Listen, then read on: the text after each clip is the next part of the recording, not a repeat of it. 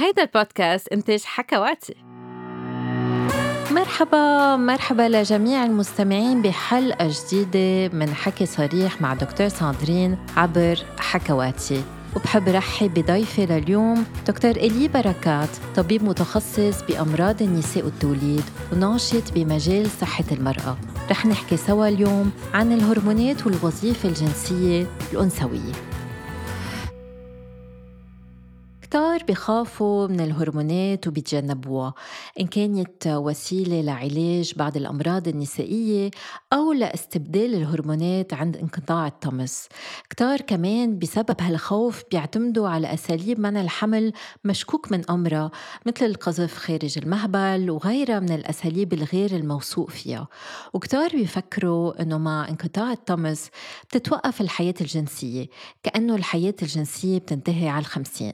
نستقبل الدكتور إلي بركات المتخصص بالطب النساء والتوليد تناقش هالأفكار الخاطئة حول الهرمونات وتأثيرها على الحياة الجنسية الأنثوية. دكتور إلي أهلا وسهلا فيك.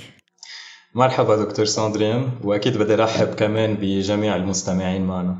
فيك تعرفنا شوي عن حالك شو تخصصك وبأي مجال بتشتغل؟ اسمي إلي بركات وأنا طبيب متخصص بأمراض النساء والولادات ومحاضر جامعي بلبنان كمان.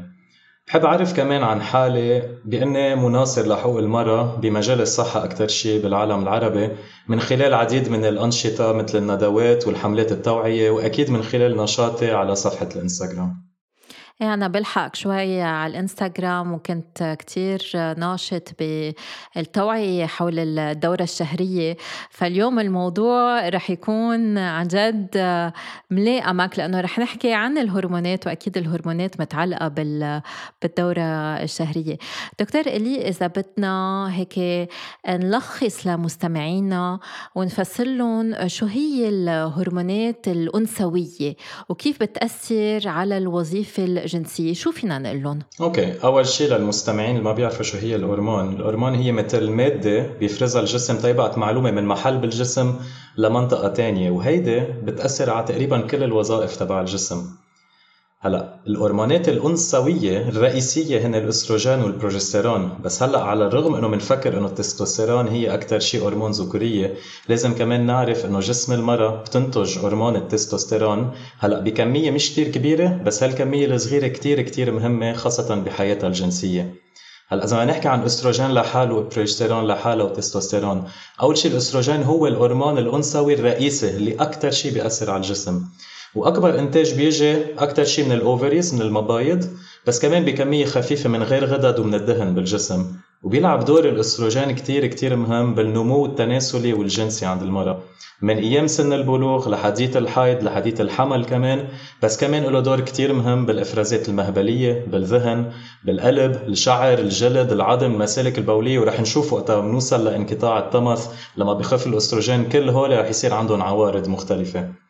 بروجستيرون بيفرزه المبيض بس كمان بفترة معينة يلي هي بعد ال ovulation أو بعد الاباضه يعني إذا ما صار في عنا اباضه ما بيصير في بروجستيرون بكمية كبيرة بالجسم. وهيدا سبب تخربط الدورة الشهرية عند النساء اللي بتعاني من تكيس بالمبيض أو PCOS مثلا. ببطل عنا إباضة ساعتها ببطل عنا بروجستيرون كافية. هلا دور البروجستيرون أكثر صوب تحضير بطانه الرحم أو ال endometrium لبويضة ملقحة ولدعم الحمل. ما عندها تأثير قد الأستروجين على الحياة الجنسية. هلا بيعتبروا إنه الرغبة الجنسية عند المرأة بتزيد مع ارتفاع الهرمون خاصة الأستروجين حوالي فترة الاباضه بس بعدين بلشت تنخفض هالرغبة مع زيادة هرمون البروجستيرون اللي بتبلش بعد الاباضه بس أكيد أكيد كل مرة بتختلف عن غيرها ومش كلهم بحسوا بالرغبة الجنسية أقوى حوالي الاباضه أو صب أول السايكل يعني كل مرة مش مثل الثانية هذا شيء كتير مهم وعم بتفرجي كتير الدراسات إنه مش بس الأستروجين اللي عم بيلعب دور هو تفاعل الأستروجين والتستوستيرون سوا. لأنه اثنيناتهم بيشتغلوا على الدماغ واثنيناتهم بيشتغلوا على الأعضاء التناسلية. الأستروجين كتير بيشتغل على المهبل وعلى الإفرازات المهبلية وهن اللي بيحفزوا التحفيق الترتيب المهبلي. بس التستوستيرون بيشتغل كتير على البظر تيتعبى البظر البزر بالدم ويقدر يحس ويصير في أحاسيس حلوة آه، وشعور لذة أثناء الممارسة الجنسية واثنيناتهم بيشتغلوا على الدماغ. وبركة هذا الشيء الواحد ما بيعرفه في كتير أشخاص ما بيعرفوا أنه النساء عندهم تستوستيرون كمان وبيفكروا أنه إذا في تستوستيرون هذا شيء مضر للمرأة. مزبوط هي الفكرة إنه التستوستيرون بنحكي عنها إنه هيدي هرمون للرجل أكثر بس جسم المرأة بيفرز كميات صغيرة من التستوستيرون من خلال الغدد وكمان من خلال المبايض يلي بيفرز بروجستيرون والاستروجين كمان. الدراسات بينت وأثبتت إنه التستوستيرون بيلعب دور كتير مهم بالحفاظ على صحة المهبل والوظيفة الجنسية والتناسلية. وتم كمان ربط التستوستيرون مثله مثل الأستروجين بالرغبة الجنسية عند النساء. ومع تقدم العمر المرأة بخف عندها وظيفة المبيد تدريجيا وبخف مع هالشي مستوى التستوستيرون. فساعتها كمان بتخف حساسية المهبل بحد ذاته أو ال vagina أو البظر أو ال clitoris وهيدا أكيد رح يأثر على الرغبة الجنسية. التستوستيرون بيخلي هول الأعضاء التناسلية يصيروا يحسوا بالأستروجين أكثر ويصيروا حساسين أكثر على مادة الأستروجين وعلى الرغبة الجنسية وعلى المتعة الجنسية. بس في في شغلة كتير حلوة بجسم المرأة اللي ورح نحكي عنها بعدين إنه أهم شيء هو المعدل بين الأستروجين والتستوستيرون. فصحيح إنه الأستروجين في يخف كتير ام بيختفي تقريبا من الجسم بس يصير في انقطاع الطمس بس بضل في تستوستيرون لأنه ينفرز من من الأدرينال جلانز كمان. فهالوجود الصغير للتستوستيرون بجسم المرأة بيعمل إنه المرأة فيها تكمل تشعر بالرغبة فيها كمان تكمل تشعر باللذة من من البظر مع العمر؟ إنما أكيد رح يصير في نشاف مهبلة عند البعض أم معظم النساء مش كل النساء على فكرة. فهذا أهمية يعني الأستروجين كتير مهم للإنجاب. بيبقى في آه، التستوستيرون اللي بيبقى بيبقى كمان موجود مع العمر العمر وبيلعب دور كتير مهم بالحياة الجنسية. هلا بنرجع بنحكي عنهم بالتفصيل. هل في غير هرمونات بتأثر على الحياة الجنسية عند المرأة؟ إيه نعم. في عنا هرمون اسمه ال dehydroepiandrosterone أو ال DHEA هيدا النوع من الأندروجين بيشبه كتير التستوستيرون. هلا أظهرت الدراسات الحديثة الجديدة إنه معقول يكون ال DHEA عليه تأثير على النشاط الجنسي عند المرأة بس أكيد بعدنا عايزين دراسات أكثر وأكثر لنبرهن كيف تشتغل مزبوط. بس كمان في غير هرمونات. بركي منا هرمونات الجنسية اللي بنعرفهم في عنا هرمون النوريبينفرين والدوبامين. هول كمان بيأثروا على الإثارة وعلى رفع الحالة المزاجية. لأن وقت ما تكون مرفوعة أكيد حياتنا الجنسية رح تتأثر سلبيا. وكمان ما لازم ننسى هرمون stress يلي هي هرمون الكورتيزول يلي وقت تكون كتير عالية إذا في عنا توتر هيك بوقت كتير طويل هيدا كمان معقول يخفف على الرغبة الجنسية. أكيد وفي هرمون الحليب إذا عالي رح يأثر على الرغبة وعلى الترتيب وأكيد هرمونات الغدة الدرقية بيلعبوا دور كتير مهم بالحياة الجنسية بس أقل من غير هرمونات. بس يصير في اضطرابات فيهم يأثروا آه، سلبيا. فالواحد دايما في هيك اتزان بين العوامل البيولوجية والعوامل النفسية بالنسبة للوظيفة الجنسية. بما أنه حكيت عن ال DHEA DH DHEA هلأ عم بيستعملوها في في product جديد عم بيستعملوه بالمهبل آه، بعد انقطاع الطمث آه، كرمال يحاربوا عوارض النشاف المهبلي اللي بيصير مع انقطاع الطمث بس آه، كاخذ حبوب DHEA ما في ولا دراسة فرجت أنه هذا الشيء عن جد في يحسن بالرغبة الجنسية. يعني بعده العلم عم بيستكشف وعم يجرب يفهم دور الهرمونات لأنه ال ال ال الأرقام بالنهاية ما بيعنوا شيء. لأنهم بيختلفوا من شخص للتاني وبهمنا نحن أنه الأرقام تكون طبيعية. بس ما بيهمنا إذا عالية واطية. هذا الشغلة اللي كتير آه، بيستصعبوها. يعني البيشنتس ما بيفهموا دايما إنه طب ليه أنا هذا المستوى هيك عندي؟ ليه ما ليه ما بكون أعلى؟ ليه ما بكون اوطى بجرب افسره إنه لا المهم إنه يكون الرقم طبيعي. ما. ما بيهمنا إذا آه، إذا عالي كتير أو واطي كتير. ما بعرف شو رأيك بالموضوع. أكيد هي في نوع بالانس في نوع توازن لازم يزيد. ما في رقم معين بيقول أنت رح تتأثر حياتك سلبيا أو ايجابيا. مهم يكون في balance مثل ما الجسم كان معود قبل ال menopause وبعد ال menopause. يعني هي أكثر شيء. وقت بيختلفوا هالأرقام بطريقة كتير سريعة. هون الجسم بيتأثر أكثر شيء. لما يصيروا القصص بطريقة تدريجية الجسم بيتأثر أقل. فهي قصة كلها نلاقي balance بالهرمونات إن كانوا تستوستيرون استروجين أو بروجستيرون وغيرها. مزبوط هون عامل الوقت مثل ما قلت كل تغيير آه، آه، صادم أم كتير سريع كتير بيأثر سلبيا مثل بس آه، تعملوا جراحة تشيلوا المبيضين إذا في سرطان أما غير أسباب إنه الواحد يسبب بطريقة جراحية انقطاع الطمس هون العوارض الجنسية كتير عالية هل في اضطرابات هرمونية بتسبب مشاكل جنسية عند المرأة قبل انقطاع الطمس؟ إيه هلا الاضطرابات الجنسية والمشاكل بالحياة الجنسية أول شيء في أسباب داخلية وخارجية. أكيد عند الرجال وعند المرأة كمان في قصص غير مستوى الهرمونات. في عنا كمان مرات مشاكل صحية عنا أدوية الموصوفة مرات بتخفف عنا المخاوف النفسية عنا سوابق اعتداء أو تحرش عنا الكآبة وكتير قصص. بس هلأ إذا بس بس عم نحكي عن الهرمونات أكيد انخفاض مثلا بمستوى الأستروجين ممكن يؤدي لجفاف بالمهبل وكمان ممكن يؤدي لألم أثناء الجماع مثلا. وفي كتير أسباب معقول تؤدي لانخفاض الأستروجين مثل اللي بنعرفها انقطاع الطمث أو ال menopause أو الشيء اللي قلتيه هلأ عملية جراحية على المبايض وحتى كمان الرياضة الكتير قوية والزايدة أو مرات ال diet لما بيكون كتير شديد وكتير sévère يعني هيدا كمان مرات بخفف الأستروجين بالجسم. هلا من ناحية التستوستيرون تبين إنه انخفاض التستوستيرون بجسم المرأة بيأثر على حد ما على الرغبة والوظيفة الجنسية عند النساء حتى لو هيدي هرمون آه، للرجل بس هيدي كمان بتأثر كتير على جسم المرأة. وهيك حالات بانخفاض التستوستيرون ممكن نشوفها خلال انقطاع الطمث لما المبايض يبطلوا يفرزوا نفس كمية التستوستيرون مثل قبل بس بضل عنا dose معينة تستوستيرون تنخلي شوية حياة جنسية وتنخلي رغبة جنسية بطريقة شبه normal يعني.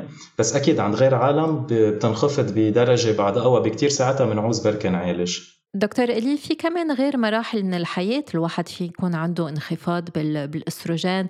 منيح أنك حكيت عن ال diet مزبوط أنه الشابات اللي بيكون عندهم اضطرابات بتصرفات الأكل اللي بيجوعوا حالهم بيكون عندهم anorexia ما بيعود عندهم ميعاد وكتير بينخفض عندهم الأستروجين وفي كتير خطر على حياتهم. مش بس خطر المشاكل الجنسية بس ال osteoporosis مثلا وإلى آخره. بس آه، كمان بس الامرأة بتكون عم عم بترضع في انخفاض بمستويات الأستروجين وكمان البرولاكتين بيكون عالي.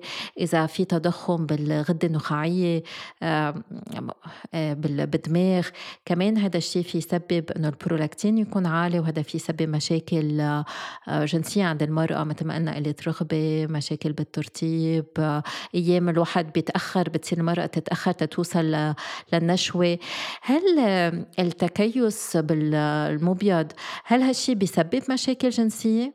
هذا سؤال كتير حلو لأنه الفكرة أنه تكيس المبيض أو ال PCOS بيسبب إنه يكون عندنا حالة hyperestrogenism يعني الأستروجين بدل ما يكون واطي بيكون أعلى من عند غير نساء هالأستروجين الزائد مرات بيسبب side آه، effect تبع ال PCOS يلي هي زيادة الترطيب المهبلية. يعني مرات بيجوا كتير على ال clinic لعنا بتكون مرة متضايقة عن قد إيه عم بينزل منها إفرازات مهبلية نستكشف إنه عندها PCOS لكن البنات أو النساء اللي عندهم PCOS ما بيصير في إباضة ما بيكون في بروجستيرون وهيدي التوازن اللي بنفقدها بين البروجستيرون والأستروجين بتخلي يكون في عنا hyperestrogénisme relatif يعني بالنسبة للبروجستيرون الأستروجين أعلى بكتير وبيخلي الأستروجين يعمل مفعوله بعد أقوى بكتير. بس هيدا ما قلل ابدا بالرغبة الجنسية عند النساء اللي عندهم PCOS بالعكس عم بيبين إنه عم بيكون في شوي حتى زيادة رغبة جنسية اي خاصة إنه التستوستيرون بيكون عالي عندهم مزبوط. كمان مزبوط. إنما في غير في غير عوامل فيها تاثر عليهم. يعني إذا منا مرتاحة بجسمها إذا حاسة عندها حب الشباب و... وبتستحي من من من شكل إذا عندها حبوب على جسمها مثلا اما عندها شوية زيادة وزن. يعني في كتير قصص بمتلازمة تكيس المبيض في كتير عوارض يعني فيها تأثر على على الحياة الجنسية. طب كيف بيتم علاج آه، اضطرابات الهرمونية؟ هل منعالج بالهرمونات؟ بدي بس زيد على اللي قلتيه قبل بخصوص القصص الغير مباشرة والمباشرة اللي بتأثر على الحياة الجنسية. بوافق تماما إنه تكيس المبيض عنده عوارض مزعجة لل body image ولل self esteem تبع الشخص. يعني بتصير تتضايق من جسمها بتصير تستحي مرات من الشخص لما تكون بالتخت معه أو لما تكون آه، عم تظهر مع شخص خاصة إذا بيكون عندها resistance على الإنسولين بتبطل تحرق السكر مثل ما لازم بتصير ما تقدر تضعف بسهولة مثل مثل غيرها. مرات بيكون عندها مثل ما قلت شعر ومرات حب الشباب زيادة. يعني هي كله قصة ال self confidence أو ال psychisme تبع الشخص. إذا قادر يتخطى هذا الموضوع ما رح تتأثر حياته الجنسية بس. مرات ما بيقدر الواحد يتخطى أو يتقبل هذا الشيء وهون أكيد رح تتأثر سلبيا على حياته هلأ من ناحية العلاجات أكيد في عنا علاجات تلعب دورها كتير مهم ومكونة من هرمونات. مثلا إذا بنحكي علاجات بالأستروجين آه، بيقدر هيدا يحسن الإفرازات تبع المهبل لأنه الأستروجين عنده دور direct على المهبل وبيقدر يخفف من آلام بوقت الجماع. واليوم فينا نلاقي الأستروجين بطريقة موضعية مهبلية بشكل كريم vaginal ring أو بطريقة أستروجين جهازي يعني systemic وهذا بيأثر على كل الجسم بينأخذ حبوب أو patch بنلزقه على الجلدة. وأكيد كل وحدة لها دواعي دواعي الاستعمال الخصوصي تبعها وكل وحدة في الحالة المعينة المنعوزة أكثر هلأ من ناحية التستوستيرون كمان في علاج التستوستيرون عنده استخدام أكثر على المدى القصير ولفترات صغيرة عم نحكي على سنة سنتين maximum ومعقول يزيد بالرغبة الجنسية. بس بعده لهلأ مثلا بأمريكا ال FDA ما عطيت ال approval لعلاج التستوستيرون للمرأة. وهيدا النوع العلاج بعد ما تم إثبات سلامته على جسم المرأة على المدى الطويل. يعني بعدنا مش أكيدين بس في بلاد بيوافقوا إنه نعطي تستوستيرون بشكل جل ما رح يعمل مفعول وأثار جانبية مثل إذا بناخده بالتم فمعقول يكون هيدا safe كفاية. بس بعد عايزين دراسات أكثر على الموضوع. مهم هون إنه نركز على آه، موضوع إنه هالعلاجات عادة بنعطيهم من بعد انقطاع الطمس؟ إن كان جراحي أو غير جراحي ما بنعطيهم قبل انقطاع الطمس. بس هل في علاجات هرمونية لمشاكل نسائية بتنعطى قبل انقطاع الطمس؟ أكيد يعني مثل ما بتشوفي بالطب النسائي ثلاث أرباع الأمراض أو الحالات النسائية عم تتعالج مع يا الأستروجين يا البروجستيرون يا غيرها يعني ثلاث أرباع النساء أخذت شي نهار بحياتها حبت بروجستيرون أو حبت أستروجين أو حبت منع الحبل. وهلأ رح نشوف شو هن القصص اللي بنضطر نعطي هيك قصص. مثلا عندنا متلازمة تكيس المبايض ال PCOS عندنا كمان آلام الدورة الشهرية أو ال dysmenorrhea بنسميها بالإنجليزي. كمان هيدا بينعطاها علاج هرموني. عندنا النزيف القوي بوقت الدورة أو ال menorrhagia. عندنا الكياس على المبيض أو ال ovarian cyst عندنا الليف أو ال fibromas. عندنا العقم يلي هي ال infertility وقت ما بتقدر المرأة تجيب أولاد وإلى آخره. بس كل هول الأمراض أو الحالات بتعتمد على هرمون الأنثوي و من أجل علاجها يعني بنضطر نعطي هرمونات أنثوية لأنه هن الهرمونات الأستروجين والبروجستيرون هي اللي بتحدد كيف بدها تصير يتطور هذا المرض أو هذه الحالة. فتنوقفها بنضطر نستعمل هالهرمونات الأنثوية الأستروجين والبروجستيرون مثلا رح أعطيك example لنعالج تخربط بالدورة إذا الدورة منا منظمة. فينا نستعمل حبوب منع الحمل اللي هي بتتألف من خلطة أستروجين مع بروجستيرون بصوره اصطناعية. أو مثلا نخفف من آلام أو بالنزيف الدورة فينا نكتفي بس مرات بحبوب البروجستيرون وبلا بلا بلا أستروجين. يعني لكل نوع لكل نوع حالة لها تركيبة معينة أو طريقة أخذ معينة من هول الهرمونات الانثويه كمان تستعمل بعلاج ال endométriose أكيد أكيد عندنا كمان ال endométriose وعندنا ال adénomyose كل هول فينا نستعمل هرمونات. يعني أنا بس حكيت عن كم وحدة بس أكيد تقريبا كل أنواع الأمراض النسائية اللي بيكونوا بيعتمدوا على الهرمون الانثويه فيهم فينا نعالجهم بهول الأدوية الهرمون طب هل هالعلاجات خطرة؟ فيها تسبب جلطات أم فيها تسبب سرطان؟ يعني سمعه الهرمونات كتير بشعة. هل مزبوط إنه هالهرمونات خطرة أم مضرة؟ هذا سؤال كتير كتير بينطرح يعني وبنسمعه وين ما كان بكل المجتمعات بكل من كل الأعمار. هذا بركي أكثر سؤال بينسأل على الهرمونات. اولا أنا بعتقد شخصيا إنه الدواء اللي ما عنده ولا أي أثر جانبي هيدا دواء ما بيكون عنده ولا أي أثر إيجابي كمان.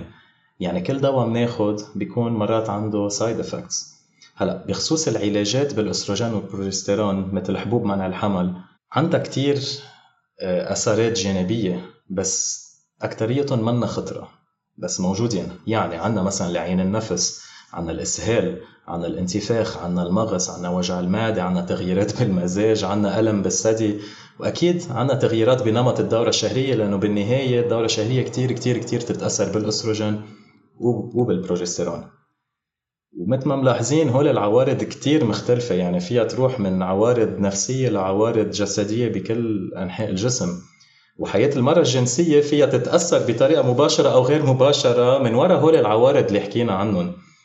بس دايما بحب شدد على موضوع إنه الحكمة دايما بيوصفوا الأدوية بس لما يشوفوا إنه فيهم فوائد تبع هذا العلاج أكبر بكتير من المخاطر والآثار الجانبية اللي معقول يبينوا مع المريضة.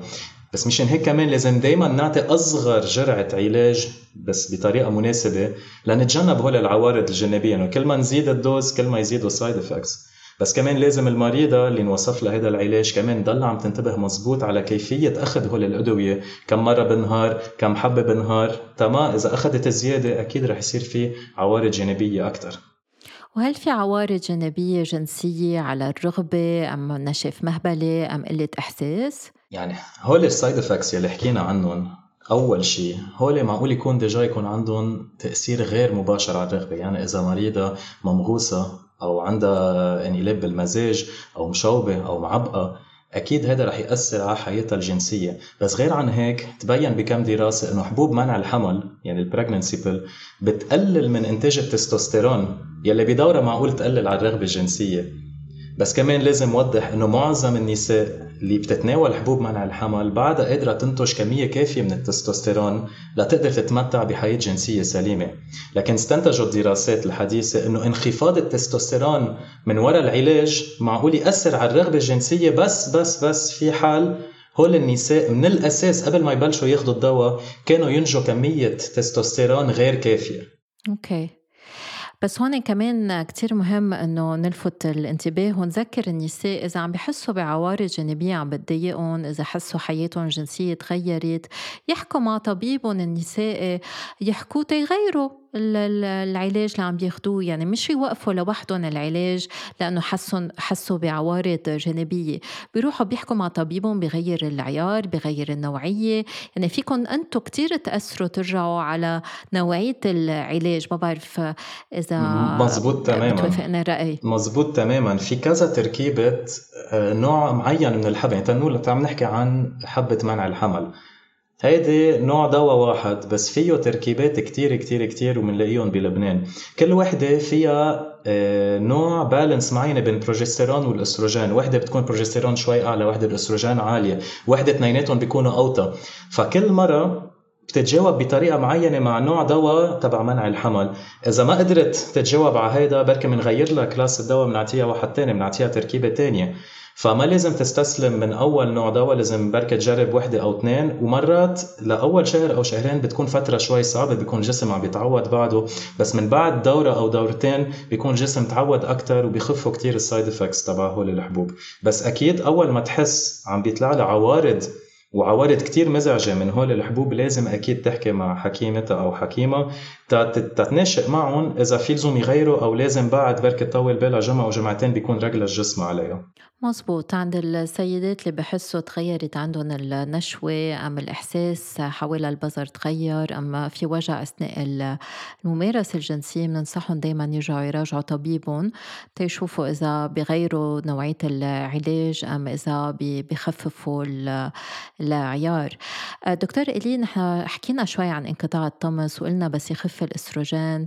بركي يصير في نشاف مهبلة عند المرأة. بعد السيدات رح يحسوا ب انخفاض بالرغبة بس مش كل السيدات. هون بفتكر كتير مهم أنه نذكر النساء أنه الحياة الجنسية ما بتتوقف مع انقطاع الطمس. هل بنعطي هرمونات؟ أنت قلت إيه إنه حكيت عن كذا نوع من العلاجات الهرمونية اللي بنعطيها من بعد انقطاع الطمس. كيف نعطيها وهل هي خطرة؟ أوكي سؤال كتير حلو. أول شيء حنعرف نتفة صغيرة عن فترة ما قبل انقطاع الطمث أو ال perimenopause هيدي فترة من العمر ببلش فيها جسم المرأة بالانتقال لسن الانقطاع أو ال menopause.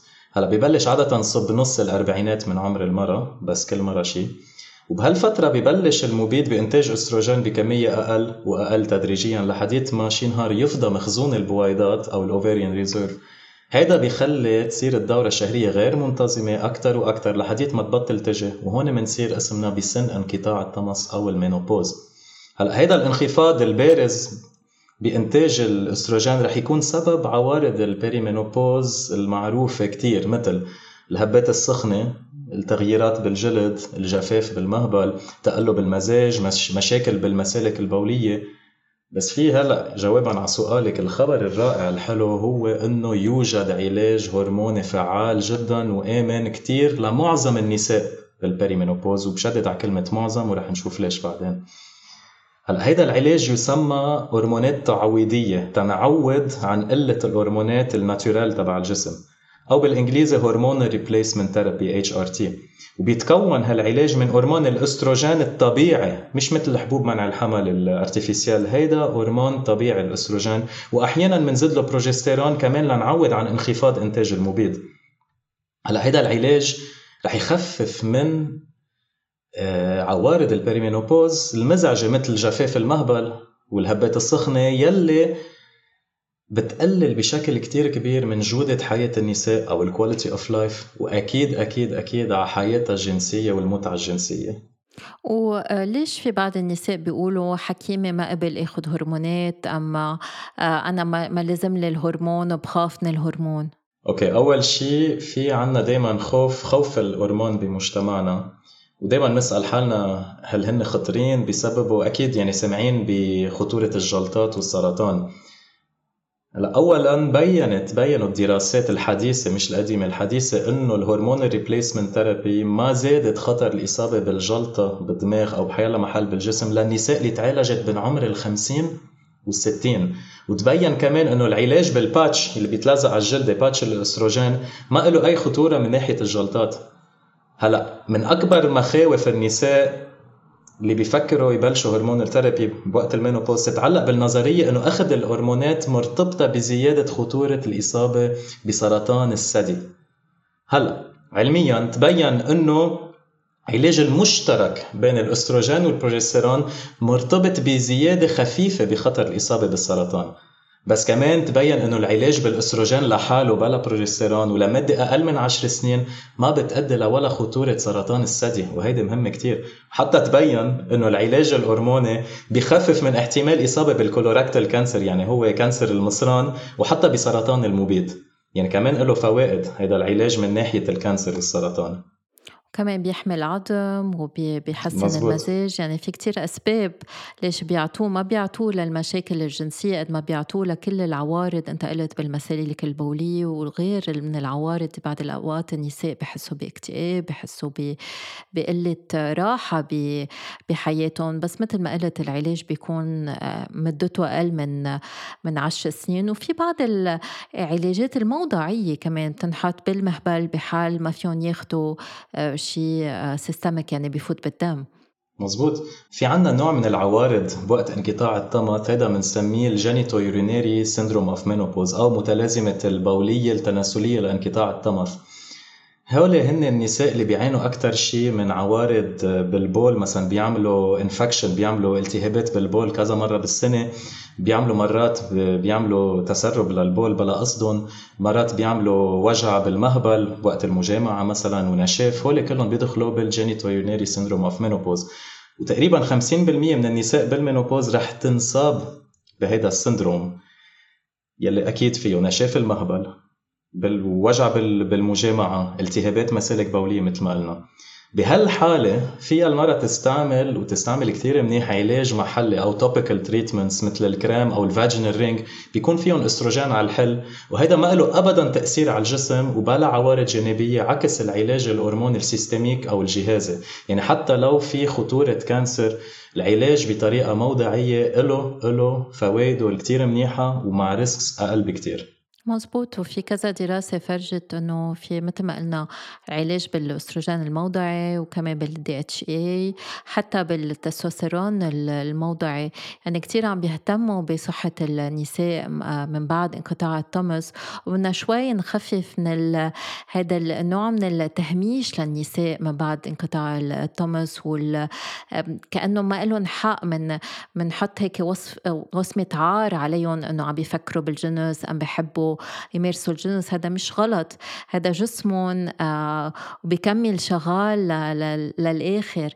آه يعني أنا بتذكر وبفتكر قلتها بغير حلقة من من البودكاست بس كنا عم ندرس طب. في في طبيب آه، نسائي جراح يعني كان عم بيخبرنا إنه عند سيدة عمرها 80 سنة آه، عمل لها عملية لأنه كان عندها سرطان بالفرج. وبالعملية كان مضطر إنه يشيل البذر لأنه بتاع إنه أنت بتعرف أكثر مني بس يكون في آه، سرطان عادة بيشيلوا شوي من آه، الأنسجة اللي بتكون حوالي السرطان. فبعد ما وعيت من العملية وصحت من جروحاتها إجت قالت له آه، بس دكتور أنت شلت لي الزر الصغير. يعني عم تقول له إنه ما أنت شلت لي شيء أخذت لي من من حياتي الجنسية كان عمرها 80 سنة. تفرج إنه هي هذا الزر كانت عم تستعمله بعدها وبحق لها أنه أنه تستعمله. وهذا شيء كتير مهم إنه إنه نذكره إنه الحياة ما بتوقف آه، مع مع العمر. هذا موضوع كتير حلو وعبالي أحكي عنه لأنه عن جد في قصص شوي بتضايقنا بمجتمعنا. يعني أول شيء بدي أحكي عن موضوع قيمة المرأة بمجتمعنا الذكوري. يعني للأسف كلمة menopause بالعربي هي سن اليأس. سن اليأس. وهيدي كلمة بتلاقيها على Google Translate بتلاقيها بال dictionnaire. العالم معتبرينها شيء طبيعي. هلا أنا ما عم بفهم كيف العالم فيها تكون راضية على هيك تعبير. بهين قيمة المرأة بيعتبروا بمجتمعنا بيعتبروا العالم إنه حياة المرأة بتوقف لما تصير بفترة المينوبوز وللأسف apparently بتخف قيمة المرأة لما تبطل تقدر تحبل أو تجيب أولاد. كأن هيدي كانت وظيفتها الأساسية والوحيدة بمجتمعنا. بيقولوا انه بتخلص حياة المرأة عمر الخمسين بس الرجل بعمر الخمسين بنقول عنه بعده شاب والله وبنص عمره ونشاطه. بس عن جد بالحقيقة حياة المرأة كمان بعدها بنصها لما تصير حوالي المينوبوز وقيمتها بالمجتمع بعده كامل ومش خافف ابدا عن قبل انقطاع الطمث ومثل ما قلت في كتير عالم تتفاجأ لما بتستكشف إنه معظم النساء اللي عمرهم فوق السبعين بعدها فيها تتمتع بحياة جنسية عادية وبتحس برغبة بشكل طبيعي وهيدا كله 20 و30 سنة من بعد انقطاع الطمث أو اللي بيسموا لنا اياه سن اليأس. فبحب عن جد غير هالتعبير شي نهار بعرف بركي فينا نشتغل سوا نوصل نوصل لمرحلة إنه نلغي هالكلمة سن اليأس من القاموس. مزبوط مزبوط أنا عاملة فيديو عن الموضوع إنه لازم نوقف بهالتعابير البشعة. وبستغرب إنه حتى ب Google Translate بيطلعنا سن اليأس بدل انقطاع الطمث وتأكيدا على مود... على حكيك بتذكر أنا من من كم سنة قبل ما ما تتوفى التيتا. آه، عم بتقلي كانت إنه كان قبل الكيبل يكون في فلومة بعد 12 شلنا إياهم. قلت لها شو عم تحضر احضريهم الفيلم اللي بعد 12 تلاقيه ما أنا بحب أحضرهم كمان. هذا بيفرجي إنه بالنهاية الواحد بضل عنده آه حتى إذا أرملة حتى إنه عند عنده الواحد شعور وما لازم نمنع آه، هالمشاعر من من الكبار بالعمر. دكتور إلي رح ننتقل لأسئلة المستمعين بس قبل رح نستعرض بسرعة الأعراض الشائعة اللي بتحسها المرأة إذا في عدم توازن بالهرمونات.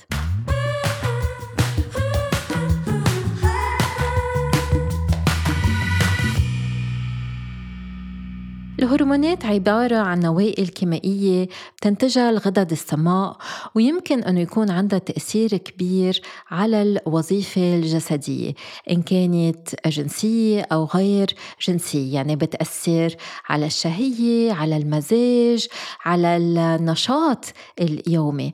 وفي كتير أسباب لعدم التوازن الهرموني مثل ما شفنا. في أسباب متعلقة بنمط الحياة بالضغط النفسي بس كمان أسباب أسباب متعلقة بأمراض مثل السكري، تكيس المبايض، اضطرابات بالغدة الدرقية، اضطرابات الأكل، العمر، الصدمات، الأورام وفي كتير كتير غير أسباب لمشاكل الهرمونات وعدم اتزان الهرمونات. فلازم تعرفي شو العوارض تتعرفي أمتى لازم تشوفي طبيبك تتأكدي إذا في مشكلة بهرموناتك. أول عارض الواحد فيه يشعر فيه هو التقلب بالمزاج. إذا عم تحسي حالك كتير عم بتقلب مزاجك بركي يكون في اضطراب بهرموناتك.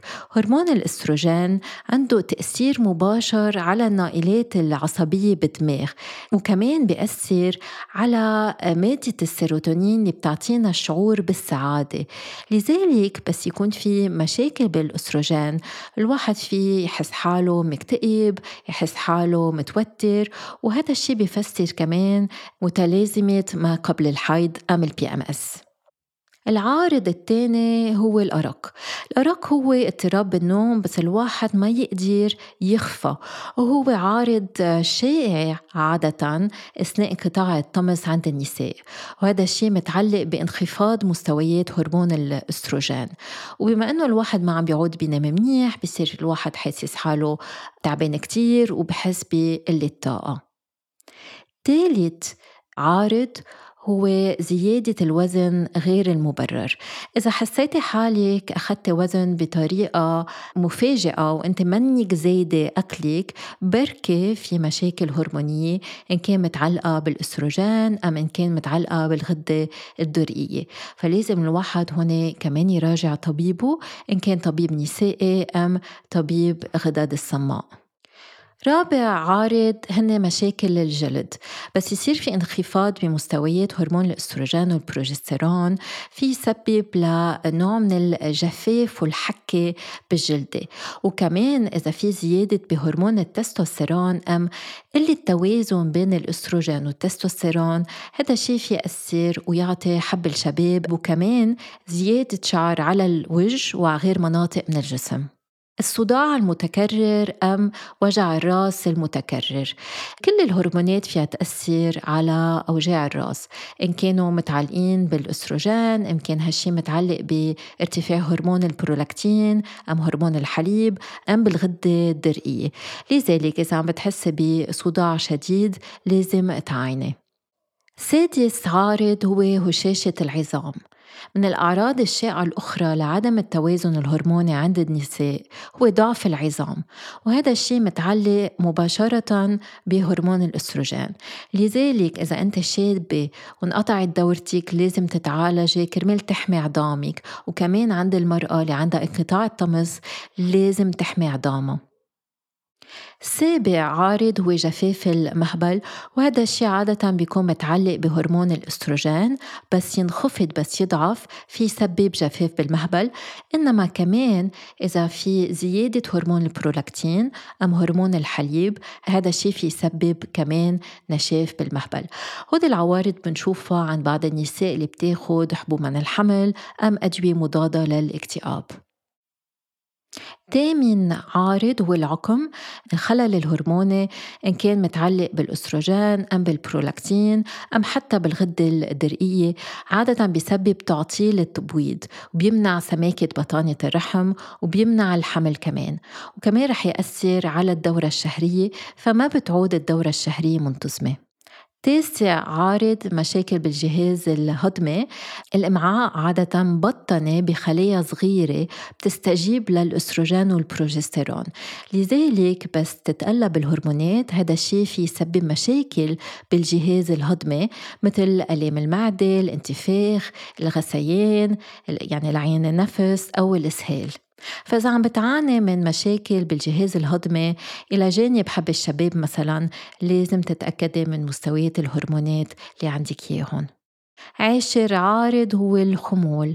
يعتبر التعب أو الخمول من أكثر أعراض عدم التوازن الهرموني شيوعا وعادة هذا الشيء بيكون متعلق إما بالأستروجين ولذلك النساء بس يكون عندهم متلازمة ما قبل الحيض بحسوا حالهم تعبانين. أم بالبروجسترون لذلك أثناء الميعاد وأم الدورة المرأة فيها تحس حالها كتير تعبانة. كمان آه، متعلق بالغدة الدرقية بس يكون في هبوط بهرمون الغدة الدرقية المرأة فيها تحس والرجل كمان لأنه عنده غدة درقية بتعب شديد.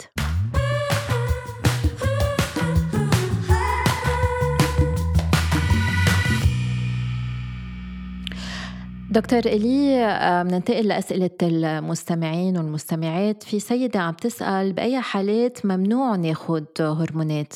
هذا سؤال كتير كتير مهم لأنه مثل ما قلت بأول المقابلة إنه الهرمونات كتير مهمين وكتير مناح وكتير بيشتغلوا بطريقة صح بمعظم النساء. لأنه في حالات وين ممنوع نعطي هرمون تعويضية منعا باتا مثلا. إذا المرأة عندها حاليا سرطان الثدي أو بطانة الرحم أو حوالي وقت العلاج. إذا مثلا المرأة عندها سوابق جلطات أو خطورة عالية من الإصابة بجلطة. إذا منصابة بمرض بالكبد قوي كتير وكمان إذا عندها ارتفاع بضغط الدم الكتير شديد يعني عم نحكي فوق ال 16 17 هلأ في كمان حالات معينة وين بنسمح نعطي علاج هرموني بس أكيد مع مراقبة متشددة أكثر من العادة. مثلا إذا في سوابق سرطان الثدي وبطانه الرحم بالعائله عند الأم عند الخال عند الخالة أو الأخت إذا عندها ضغط عندها سكري عندها ارتفاع بال triglyceride ولكل نساء تحت العمر ال 65 اللي ما بتدخل بالحالات اللي حكينا عنها هول فينا نعطيهم علاج الهرمون بكل أمان. مع هيدا وكله يعني مع كل شيء حكيناه حتى لو المرأة ما عم تاخد هرمون الثيرابي لازم تضل منتبهة على حالها لازم تضل تعمل ماموغرافي وصورة صوتية للرحم كل سنة لتتأكد إنه ما في ولا أي تبليشة سرطان. وحتى فيها تعملهم كل ست أشهر إذا في حال سوابق سرطان قوية بالعائلة. وهذا لازم نذكره إنه المرأة ما تنسى صورة الأشعة تبعولتها ما تنسى تفحص الثدي تبعولها ما تنسى تشوف طبيبة نسائي مرة بالسنة. هودي كتير مهمين وشو ما يكون العمر الواحد لازم يشيك على حياته. الأنثوية حتى إذا الواحد منه مزوج حتى إذا ما عنده أولاد لازم يزور الطبيب النسائي سنويا. نفسيا دكتور إلي في نساء عم نحكي قبل انقطاع الطمث ما بيحبوا ياخذوا هرمونات. هل ممكن أنه آه، يصير في إعادة اتزان الهرمونات بطرق طبيعية؟ نعم وهذا موضوع كتير بحبه وهذا موضوع بيمس بال PCOS يعني آه، تكيس المبيض. الحكما أيامنا اليوم بيعطوا كيف ما كان الحبوب منع الحمل. لحيلا مرة عندها تخربط بالميعاد أو عندها تكيس بالمبيض بس ما بيخبر أو ما بتخبر المريضة تبعه إنه في غير قصص فيها تعملها. معقول تساعدها بدون أخذ ولا دواء. أول شيء في شيء اسمه الانتي انفلاماتوري دايت هيدا الشيء أنا كتير بشجع فيه. هو نوع الأكل ضد الالتهابات. عادة لما نكون عم ناكل لحومات كتير أو سكر كتير أو قمحة غير كاملة أو كل شيء معمول اصطناعيا هذا فيه كميات استروجين الكتير عالية وهذا بيزيد الالتهابات وهذا بيصير التكيس المبيض أضرب وأضرب. مرات بتكون مثلا مش جايتها المريضة على شي ست أشهر بتعمل شهر شهرين تعمل ريجيم تعمل diet ضد الالتهاب بتشيل كل شيء معقول يسبب التهابات بجسمها. مرات لحالها دورة شهرية بترجع بتجي بدون أخذ ولا حبة. مرات كمان sport وقت sport والضعف مرات بيقولوا الدراسات إنه المرأة فيها تخسر تقريبا 5% من وزنها هيدا معقول يرجع الإباضة ويرجع الدورة الشهرية بدون أخذ ولا دواء. again هيدا الشيء ما بيطبق على كل النساء بس في طرق طبيعية غير الدواء وغير الحبة الحبل معقول يرجعوا للمرأة اللي عندها تكيس بالمبيض يرجعوا الوظائف المضبوطة وال functioning المضبوط للمبايض تبعها. هلأ مرات للمريضة للمرأة اللي بلشت عندها تخربط الهرمونات قبل عمر الأربعين. إذا ما فاتت كمان بانقطاع الطمث مرات المبيد لحاله بيرجع بيرجلج نفسه مع الوقت. أوكي. طب وهل في مكملات غذائية إذا الواحد بده يحسن الهرمونات أما عم بحكي قبل انقطاع الطمس أما غير مكملات من بعد انقطاع الطمس تيزيد نسبة الأستروجين؟ سؤال حلو جربوا كتير يعملوا دراسات على الموضوع في شغلتين. أول شيء عنا حبة الصويا. هيدي معروفة إنه غذائيا هيدي أكثر شغلة فيها استروجين بطريقة آه، طبيعية بالأكل. يعني بين إنه الصويا غني بالأستروجين وجربوا يستبدلوا علاج الهرمون بنظام أكل غني كتير بالصويا. بس للأسف الدراسات ما قدرت تفرجي نتائج إيجابية بتخفيف عوارض ال menopause لهلأ وتحسين الحياة الجنسية. نحن آخر شيء بهمنا شو؟ بهمنا إذا أخذ الصويا خلتنا نخفف العوارض ما بيهمنا بس إذا زاد الأستروجين بالجسم أو لا. وبعد لهلأ للأسف ما بينوا الدراسات شيء معين أو شيء مهم. كمان عندنا supplements ال DHEA اللي حكينا قبل. كمان الدراسات ما كتير بينوا كتير فوائد للموضوع. وبعده في دراسات آه، بعدها ماشية. وأنا بقول بركي بعد كم سنة بيكون عندنا جواب مزبوط على ال D كيف تشتغل وشو ال long term side effects يعني على المدى الطويل كيف مفروض كيف معقول يأثر على جسم المرأة. ولعلاج تكيس المبيض؟ هل في آه، مكملات غذائية؟ فيها تستعمل؟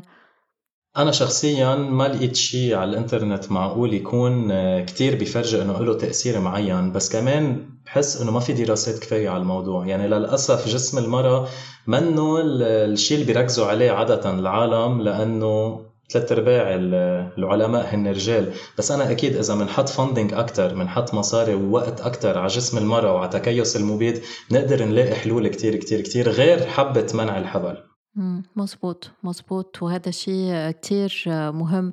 والواحد بده ينتبه كمان بس ياخد علاجات ومكملات غذائية إنه ما يكونوا بس عم بيرتكزوا على البلاسيبو افكت يعني بعض الأوقات ما ما عم بتحسن بشيء فما ياخدوهم هن آه، بحد ذاتهم يروحوا على الصيدلية ويشتروا حيلا مكملات غذائية. دايما يسألوا آه، نصيحة آه، طبيبهم قبل ويستشيروا الطبيب. دكتور إلي في سيدة عم بتقول عم تسأل هل إمتاع الذات بيأثر على الهرمونات وبيؤدي إلى انخفاض الرغبة الجنسية فيما بعد؟ أبدا أبدا أبدا وأنا كتير بشجع الفكرة لازم كل شخص أول شيء يتعود على جسمه ويتعرف على جسمه عبر الإمتاع الذاتي. يعني إن كانوا نساء أو بنات أو آه، عالم فوق العمر السبعين 80 ما بتفرق. الكل بحق له يتعرف على جسمه الكل بحق له يجرب جسمه شو بيحب شو ما بيحب. بهالطريقه الواحد بيصير عنده ال self confidence وال body image المضبوطة. وأنا بعتبر إنه هيدا مثل نوع عضل.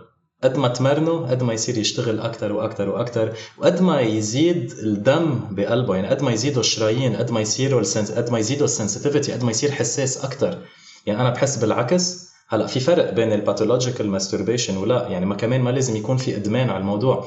بس أنا برأيي الماستربيشن بطريقة بطريقة سليمة بطريقة مدوزنة أكيد بتساعد على إنه نزيد الرغبة ونزيد المتعة الجنسية.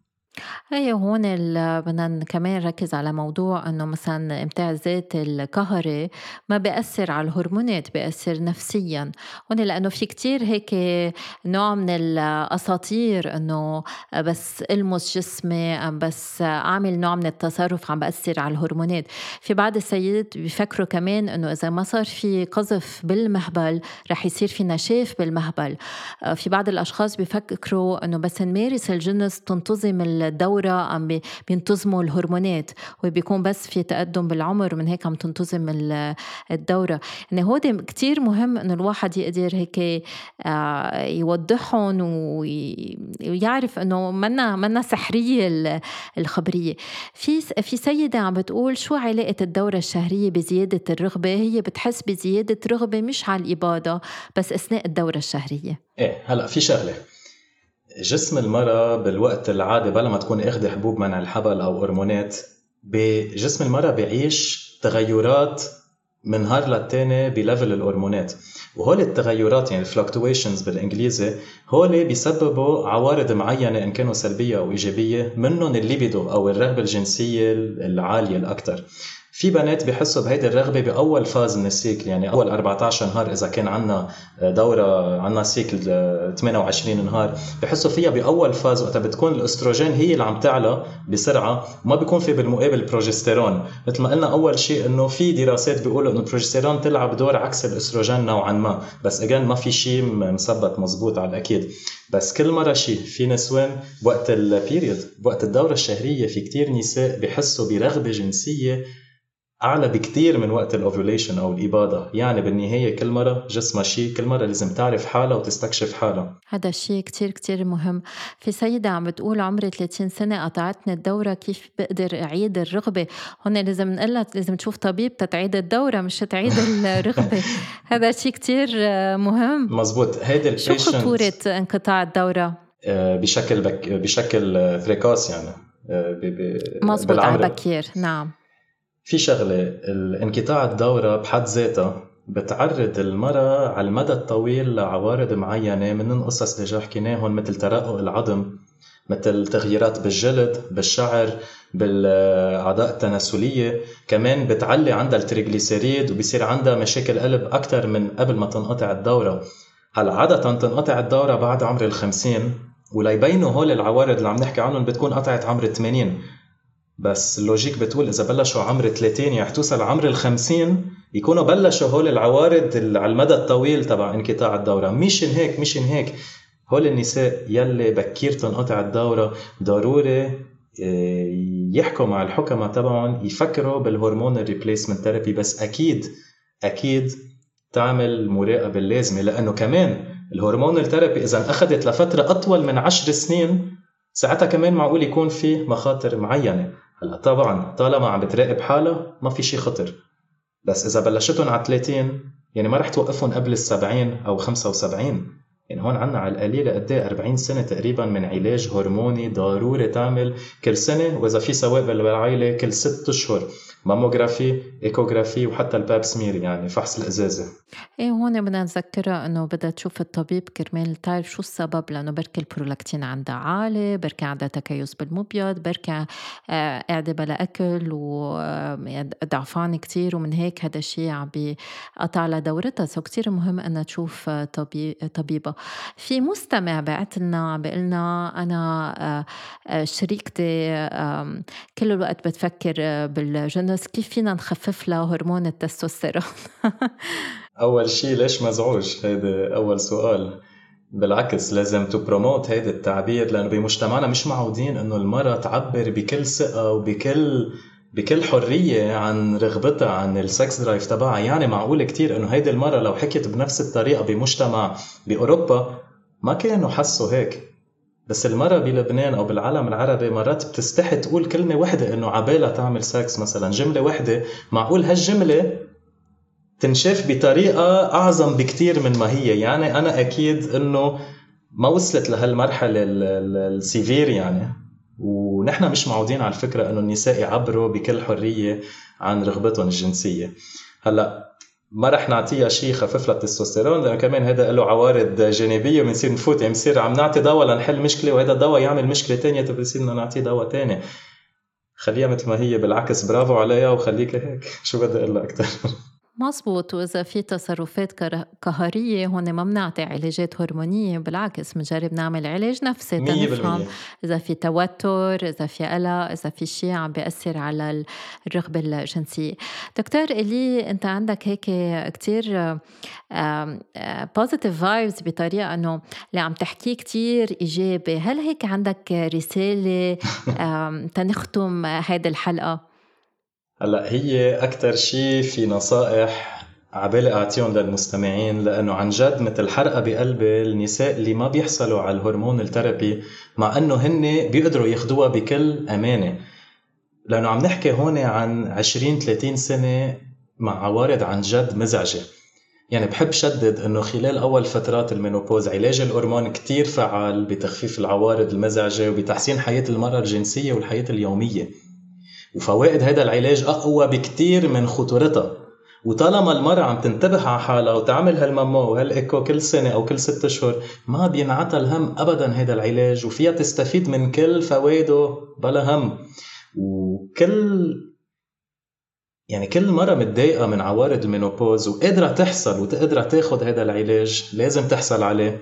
بس مع زيارة سنوية عند الحكيم أو حكيمتها والمرأة لازم تعيش حياتها الطبيعية حتى بعد انقطاع الطمث وهذا منه زمن اليأس. هذا منه أبدا بداية بداية سن اليأس والزعل وبعد المرأة بنص حياتها. مزبوط وهذا سن الأمل بالعكس. ويا ريت كل الأطباء بفكروا مثلك أنا في كتير سيدات بشوفهم بكون عمرهم هيك 53 بكون قطعتهم الدورة صار لهم ثلاث سنين. بس إنه انت ب... إنه ليه ما عم تاخذوا علاجات هرمونية؟ بيقولوا لي ما اقترح حتى علي الطبيب. يعني أنا هذا اللي بيفاجئني إنه ما بيحكوا ما في هالحديث مع الطبيب إنه إذا هي بحاجة أم إذا حابة. ونحن بنعرف إنه إذا قطعوا ثلاث أربع خمس سنين بدون ما تاخذ علاجات هرمونية هون ما بقى فينا نعطيها هرمون. مزبوط. هون بنخاف من العوارض الجانبية. فهون أهمية كمان وعي الطبيب إنه يفكر ب الويل بينج يعني الرفاهية تبوت آه، مريضته. يعني المريضة المريضة منا بس آه، هرمونات المريضة كمان آه، هي صحة هي آه، ذهن هي حالة نفسية هي الواحد حياة اجتماعية حياة جنسية علاقة عاطفة. نحن لازم نهتم بكل هالشي مش بس نهتم بجسم. مزبوط وكمان كمان بيعتبروا مرات الحكم إنه خلص بطل فيها تجيب أولاد بطل تجيها. يلا روحي عيشي حياتك بالتخت عجوزة ما بعرف شو يعني. هيدي بعدها مريضة هيدي بعدها ال patient تبعهم هيدي بعدها امرأة بعد عندها 40 سنة قدامها. بهالأربعين سنة فيها تعمل كتير قصص المرأة وإنجازات وفيها ضل عم تشتغل وفيها تعيش حياتها فيها تعيش حياة جنسية رائعة رائعة. يعني إذا بتشوفي بأوروبا كيف بياخدوا ال retraite على بكير بيروحوا بيسافروا العالم بيروحوا بينبسطوا بيمشوا بيسافروا بي بي يعني حياة المرأة ما بتوقف هون يعني بعد في نص حياتها قدامها. مش بس الرجال بضل شاب بعمر الخمسين المرأة فيها تضل فيها تضل بأفضل حالاتها. بس مرات بتعوز دعم هرموني وإذا ما فيه خطورة ليش ما بدنا ناخده؟ خبرية صغيرة قبل ما ننهي بس كنت عم بعمل ستاج تبعولي بفرنسا. كان في سيد اجى عند الطبيب عمره 75 سنة وعنده مشاكل انتصاب.